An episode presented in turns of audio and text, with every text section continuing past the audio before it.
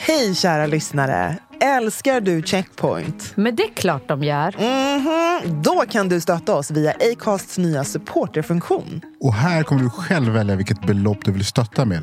Och framförallt, ingen bindningstid. Klicka på länken i poddbeskrivningen och hjälp oss hålla podden i liv.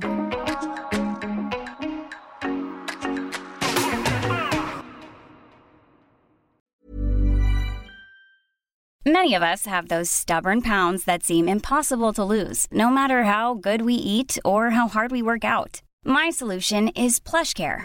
PlushCare is a leading telehealth provider with doctors who are there for you day and night to partner with you in your weight loss journey. They can prescribe FDA-approved weight loss medications like Wagovi and Zepbound for those who qualify. Plus, they accept most insurance plans. To get started, visit plushcare.com slash weight loss. That's plushcare.com slash weight loss. Spring is my favorite time to start a new workout routine. With the weather warming up, it feels easier to get into the rhythm of things. Whether you have 20 minutes or an hour for a Pilates class or outdoor guided walk, Peloton has everything you need to help you get going. Get a head start on summer with Peloton at onepeloton.com. Black Lives Matter-rörelsen och det samtalet gjorde så att jag vågade berätta om en incident som jag varit med om själv. Och det här är inget påhittigt det här är ett vittnesmål. Jag, menar, jag, jag tror att jag var 16-15 år. Fick åka en polisbil och i polisbilen så sa de att de skulle köra hem mig.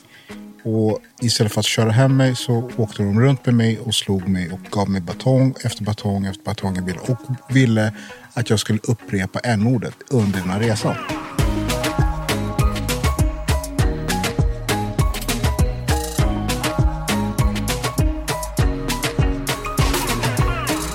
Välkomna till Checkpoint avsnitt 8! Yay! Varmt välkomna och extra välkommen till vår fantastiska gäst Palmira Kokari Menga. Välkommen! Tack så mycket. Välkommen, Så välkommen. otroligt kul att ha dig här. Nej, Men det är så kul att vara här. Det är en sån eh, ära att vara här. eh, Med tanke på de så här, tidigare fantastiska gästerna ni har haft. Nej, men, Jag är jätteglad. Oh my god! det är vi som ska ha äran. Mm. Men välkommen! Eh, vill du, vem är du? Vill du berätta? Jag är journalist. Jag jobbar på Sveriges Radio, eh, på P3 Nyheter. Har jobbat där i, ja, jag tror att det är sju år nu eh, ungefär. Så det är ett tag. Det är det jag gör.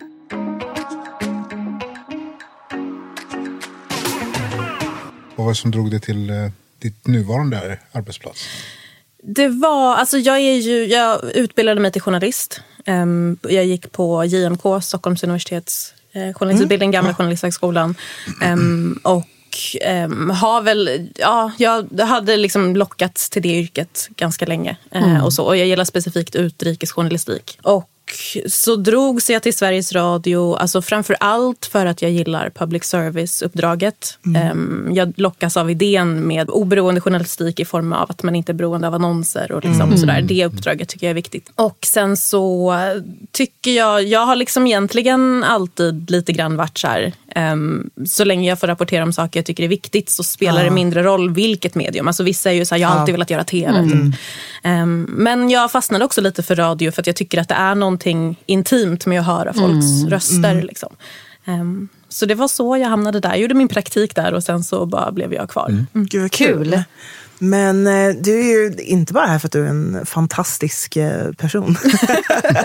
utan också här för att eh, du har gjort någonting fantastiskt. Du tog initiativet till SRs upprop.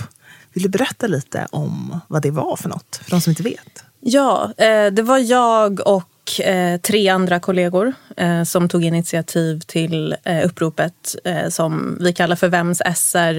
Eh, ett upprop för representation och mot rasism. Och det var ett upprop som dels handlade om ja, men det handlar helt enkelt om vår journalistik.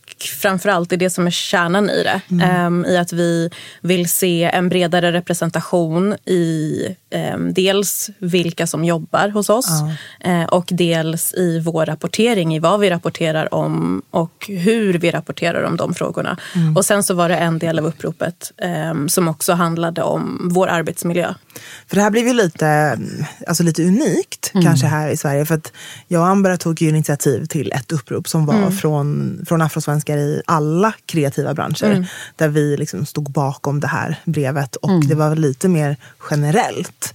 Ehm, och kanske snarare liksom fokuserade på aktiva åtgärder som man kan göra.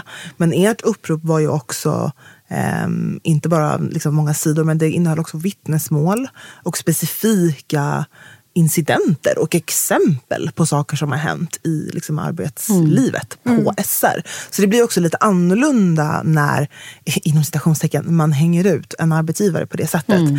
Eh, jag blev ju fruktansvärt glad när jag såg det. Nej, men alltså, jag blev verkligen så himla glad. För att någonting som vi också var lite, inte rädda för, men lite så här, vi hoppades att fler skulle våga säga någonting. Vi ville inte att vårt upprop bara skulle, Skulle sluta vara där, ja. Exakt, utan vi ville ju, så tänk om det kunde bli lite som metoo, att det var fler branscher, att man vågade liksom säga någonting.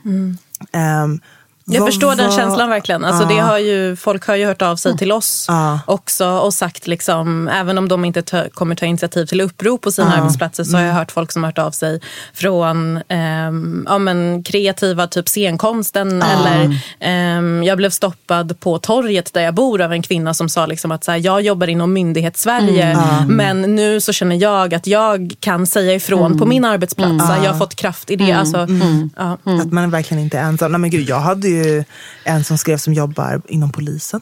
Som skrev om vad hen upplever. Eh, både mot sig själv men också hur man, hur man behandlar brott. Eh, och misstänkta och hela den. Liksom. Så att, jag tror att det är så otroligt viktigt att eh, vi är fler som säger någonting. Apropå att, eh, så som du sa Nicole, att eh, ert brev är ju unikt jämfört med våran där ni hänger ut er arbetsgivare, om man så kan säga.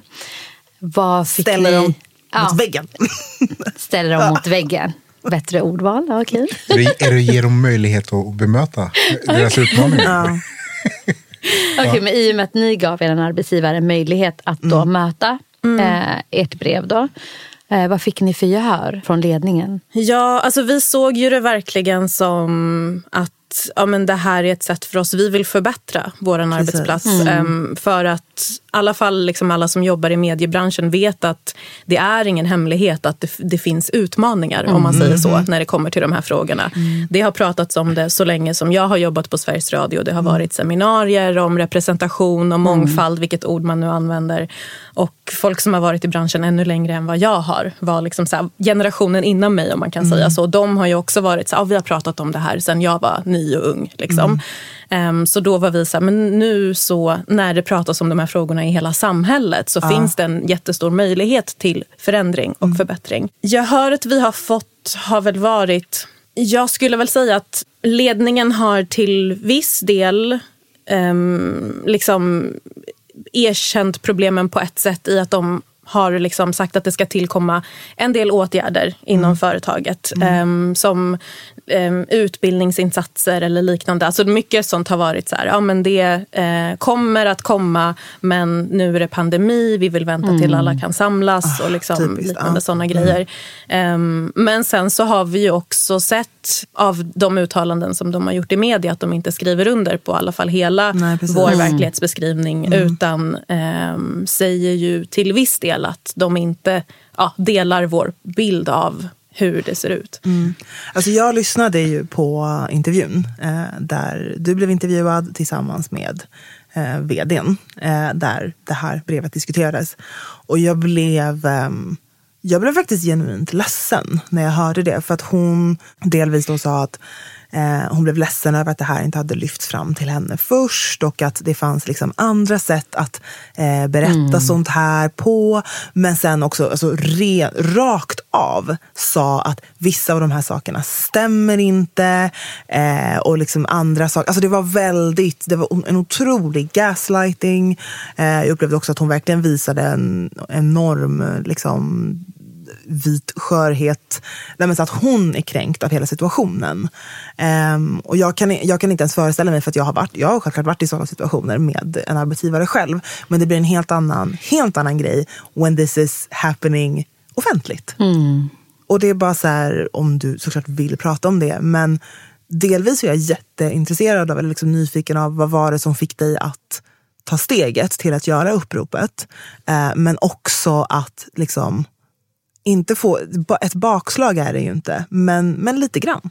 Men vi var, alltså vi, vi fyra initiativtagare har alla liksom drivit de här frågorna på olika sätt internt i, i vårt dagliga arbete, på mm. möten och liksom, um, i samtal med andra, med kollegor, med varandra. Alltså så som man liksom gör när man är i den situationen. Um, och sen så bestämde vi oss helt enkelt. Alltså framförallt så var det ju Eh, när de här frågorna lyftes och pratades om så mycket och liksom när Black Lives Matter-rörelsen var så mm. stor i somras mm. så blev det liksom extra tydligt att, för mig var det i alla fall som att de dagarna var det lite grann som att jag gick i två parallella världar. Mm. Jag hade min privata sfär och jag hade min, min jobbsfär. Och det var som att det var lite två olika världar. Alltså lite som ett matrix. Av att man bara, så här, vilken är den verkliga världen? Mm. För de här två världarna är helt olika. Jättebra beskrivning. Men för verkligen liksom... Alltså, ni vet ju själva hur, mm. hur det var då. Det var liksom, liksom allting som kom upp i och med eh, Black Lives Matter efter eh, George Floyd det tog, upp, tog ju liksom alla ens samtal mm. med ens vänner, mm. hela ens flöde på sociala mm. medier, liksom hela ens tanke och liksom känslovärld på något vis. Exakt. Både i att det självklart var så väldigt tunga veckor men också att man såg att det var något stort som hände. Alltså Det var ett momentum, någonting höll på att förändras. Alltså mm. Som metoo, när det hände så kände man ju liksom att så här, men nu är det någonting som mm. svänger. Vi kommer ha ett före och ett efter. Um, och den känslan hade jag inte alls när jag var på jobbet i alla fall. Utan mm. jag, ja, det, det var en väldigt stor skillnad. Um, och då så bestämde vi oss helt enkelt för att göra det. För att vi kände att liksom så här, vi har kämpat med det här så länge och hela vår bransch har gjort det. Mm. Eh, men nu så liksom finns möjligheten att kanske faktiskt få till förändring. Den här mm. gången kanske det går. Mm. Det har gjorts försök innan. Folk har mm. kämpat innan oss också mm. med de här frågorna. Det är ju verkligen inte så att vi liksom är de första som lyfter det här på något mm. sätt. Utan eh, det har gjorts tidigare också. Eh, och det är liksom verkligen med, med, liksom, eh, med det i åtanke att det har gjorts ett grundarbete tidigare också.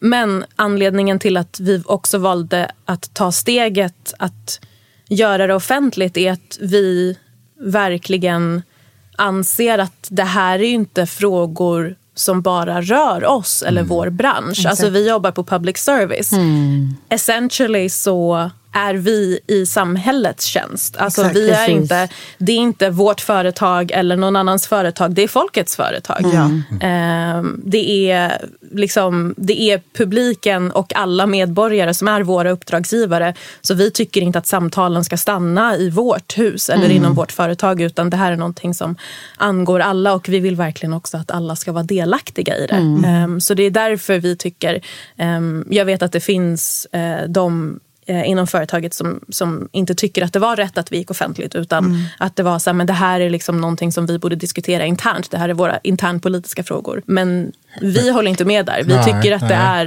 ja. eh, all, om, ni hade gjort det, om ni hade gjort det och, och, och, och, och gått den tysta vägen och skött det internt.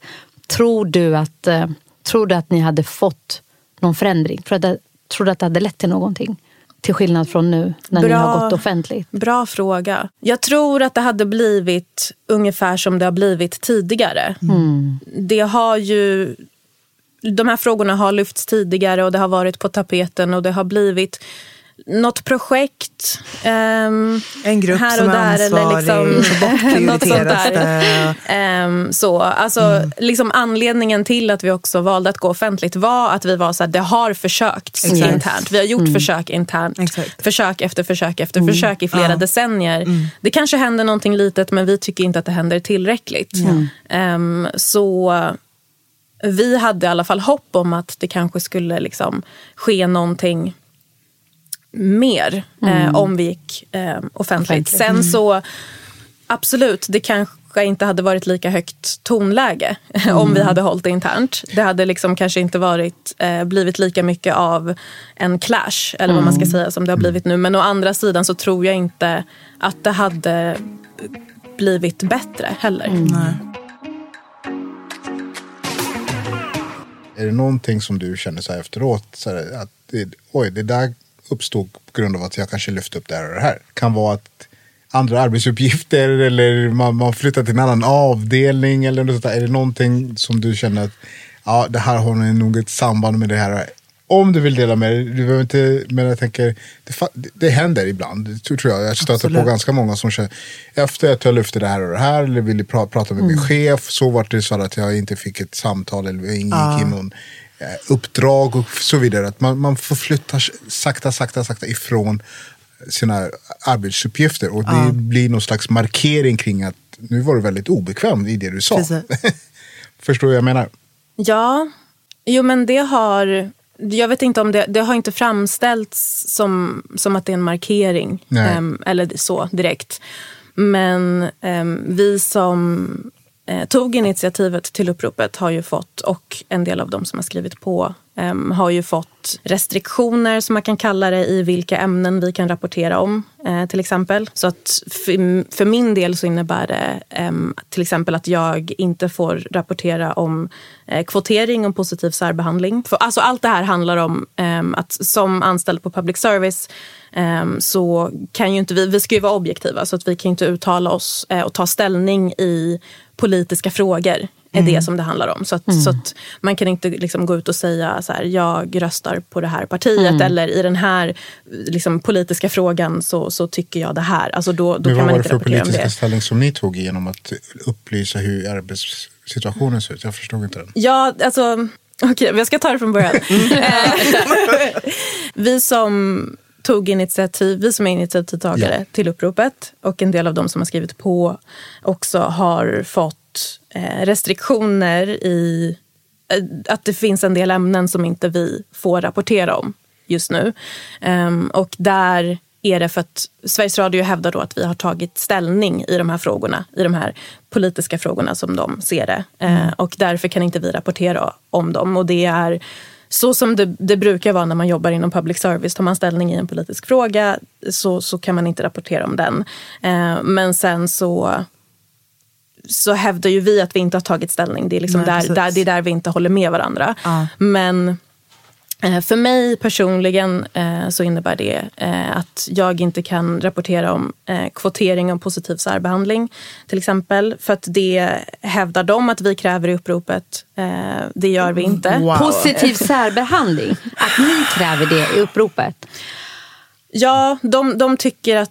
De tolkar det så, kan man Ja. väl säga. Alltså, Det har ju också... eh, tidningen Journalisten, som är, som är en branschtidning har ju också frågat Diskrimineringsombudsmannen. De har ju tagit vårt eh, upprop till Diskrimineringsombudsmannen eh, och varit så här, kräver de kvotering här? Eh, och Diskrimineringsombudsmannen säger nej. Men eh, Sveriges Radio... Eh, tyck- de, ja, Jag precis, de behöver tycker- inte vara DO för att veta att det ni, det Nej, ni skriver? Alltså- inte alls har med att ni kräver. Eh, Nej, alltså delvis så handlar det om att ja. de här kraven vi har bland annat på att det är, eh, vi vill ha 15 procent anställda med utomeuropeisk bakgrund och liksom en rasifierad person i den högsta ledningen. De och vi satte som mål 2025. Eh, de tycker inte att eh, man kan nå dit utan kvotering eller positiv särbehandling. fast vet, men vänta, jag blir Alltså, jätteställd. jag blir jätteställd. 20 procent av Sveriges befolkning är synlig minoritet. Ja. Så om ni kräver att 15 procent ska vara, för 15 procent av an- anställda ska vara från utanför Europa. Det är, ju, Det är fortfarande inte en Det är fortfarande lägre än samhället. Ja. Ja, och vi, Wow, vi, okej, häv- så de vi hävdar att man ju... måste kvotera för att uppnå det? Ja, och vi hävdar ju att man kan rekrytera på kompetens. Exakt. Exakt. och eh, hitta de här personerna. Ah, så det Eh, Men det är, precis, det är en, en av grejerna. Och sen så får jag inte heller rapportera om Black Lives Matter eh, för att de tycker att vi har tagit ställning för Black Lives Matter, vilket vi heller inte gör i uppropet. Ehm, men där är det också så här... De Nej, säger- så vi vill ha reportrar som är emot? Alltså va? Åh, men Ja, det här är jätteproblematiskt. Så att om, jag, om jag gör den tolkningen, som, det vill säga att om det är några kvinnliga journalister då som Exakt. då har tagit och lyft kring metoo-rörelsen så kommer ju inte de kunna vara trovärdiga i andra rapporteringar eller kvinnors ställning Där på arbetsplatsen. Eller? Kan vi gå tillbaka, vi gräver tillbaka och kollar. För det var kvinnliga reportrar Ja. som gjorde uppslagen i, okej DN kanske inte räknas då som så det public betyder service. att då, men, då tappar de till... Exakt. till för att jag, det, jag tycker att det är jävligt... Ja, jag ska inte svära, men... Det får du göra. Ja, Det ja, får nej, men det är en jättemärklig tolkning av det ni försöker lyfta.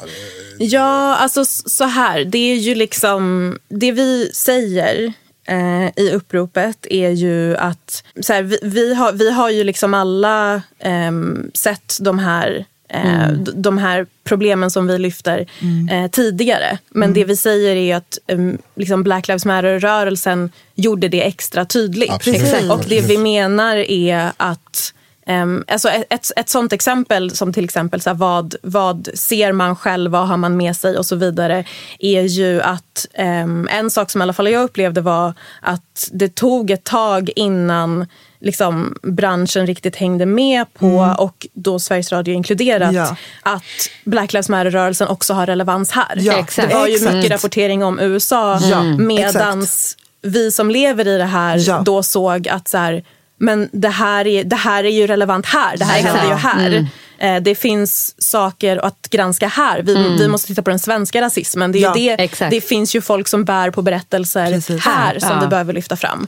Eh, Och det är liksom var ju en sån sak som vi upplevde att så här, det tog lite tid innan det klickade och det var Ja. det vi liksom försökte driva internt bland annat. Ja. Så att det vi menar är så här, Black Lives Matter eh, synliggjorde de här Precis. problemen och vi ville helt enkelt liksom lyfta att så här, att på grund av alla de här eh, sakerna som vi lyfter så finns det helt enkelt saker som, som vi behöver jobba på. Men sen så är Black Lives Matter Black Lives Matter i sig är ju en jättebred liksom, rörelse. Det är inte en enskild organisation. Precis. Det är inte liksom en enskild organisation. Vi säger ingenstans att vi tar ställning för den. Alltså, Och Black Lives Matter är en mångfacetterad, numera global rörelse som driver flera olika politiska frågor i olika länder liksom beroende på kontext.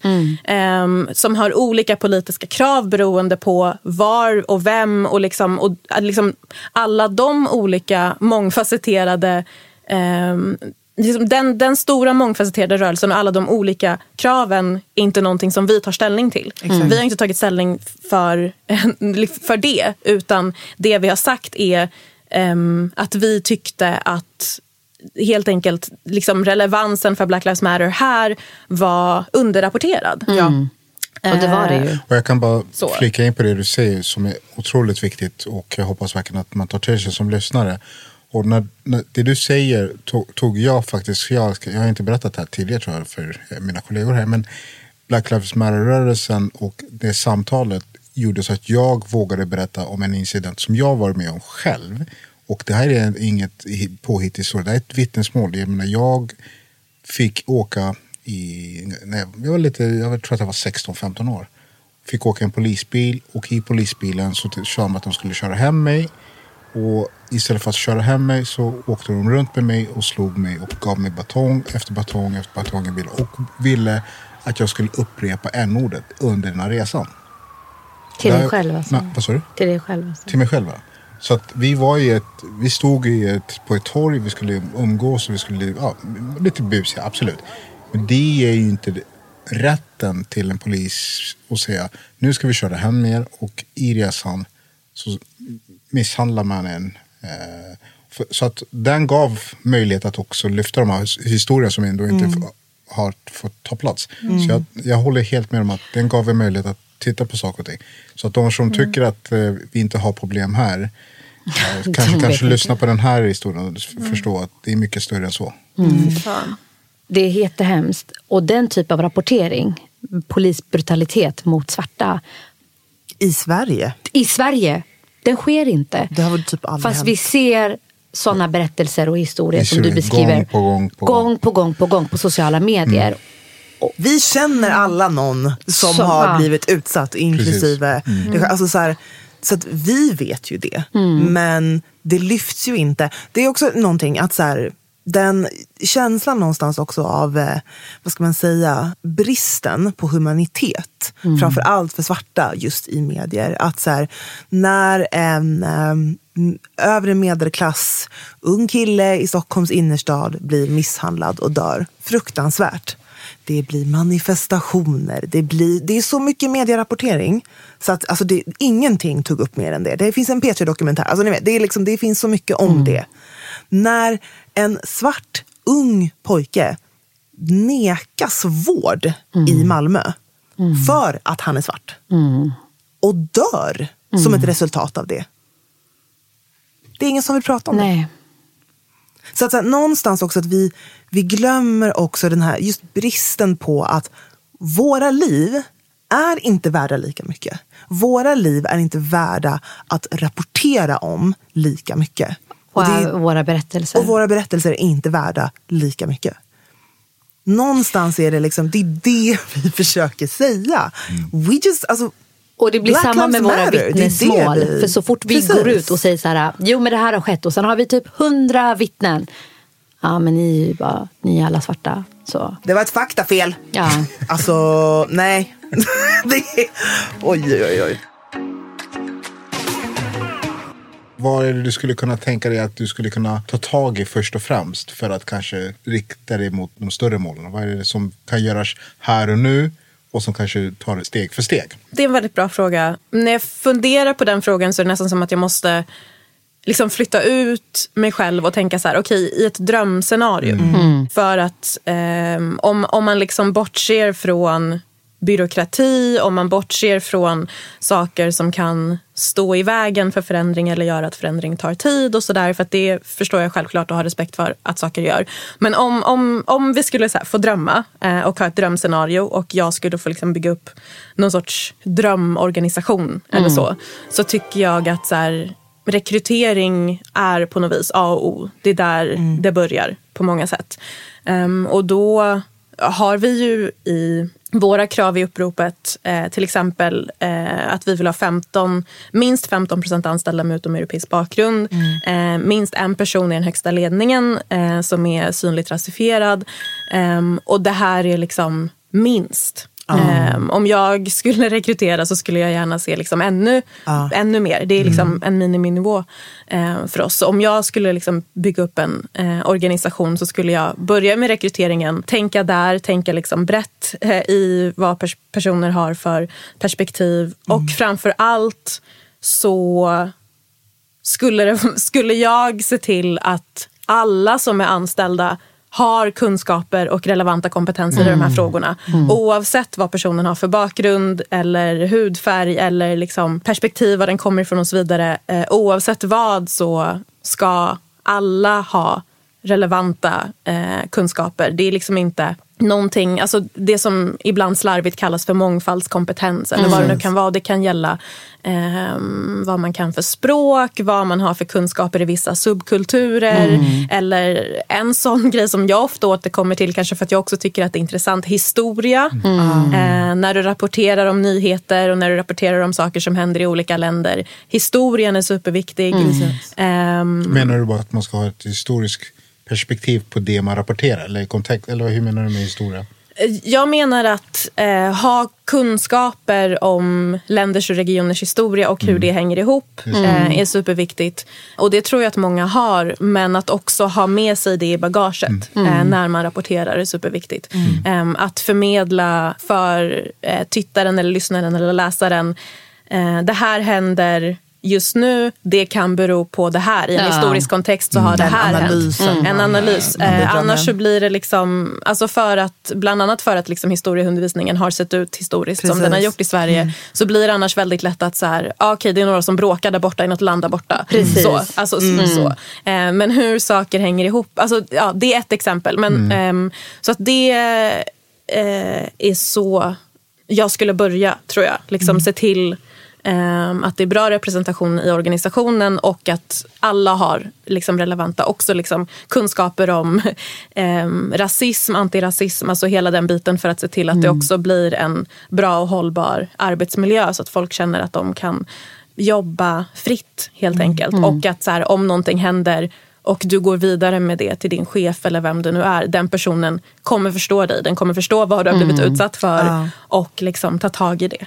Är Och inte jätte- komma med bortförklaringar. Nej, jag tycker det är jättebra tips. Och, och det blir ju på något sätt ens skyltfönster utifrån ett organisatoriskt perspektiv. Att Det är det här och även också att när, när någon landar i er organisation så kommer det, om jag förhör rätt, när du jobbar med de frågorna så kommer det vara så här, men det sitter i väggarna kring de här sakerna. Det är, bara, det är bara som det är. Det här är vårt DNA. Och det tror jag är jättesunt. Så att, bra, bra, bra Ja. start. Men som ehm, en kollega sa till mig en gång, ehm, tänk om vi bara fick jobba.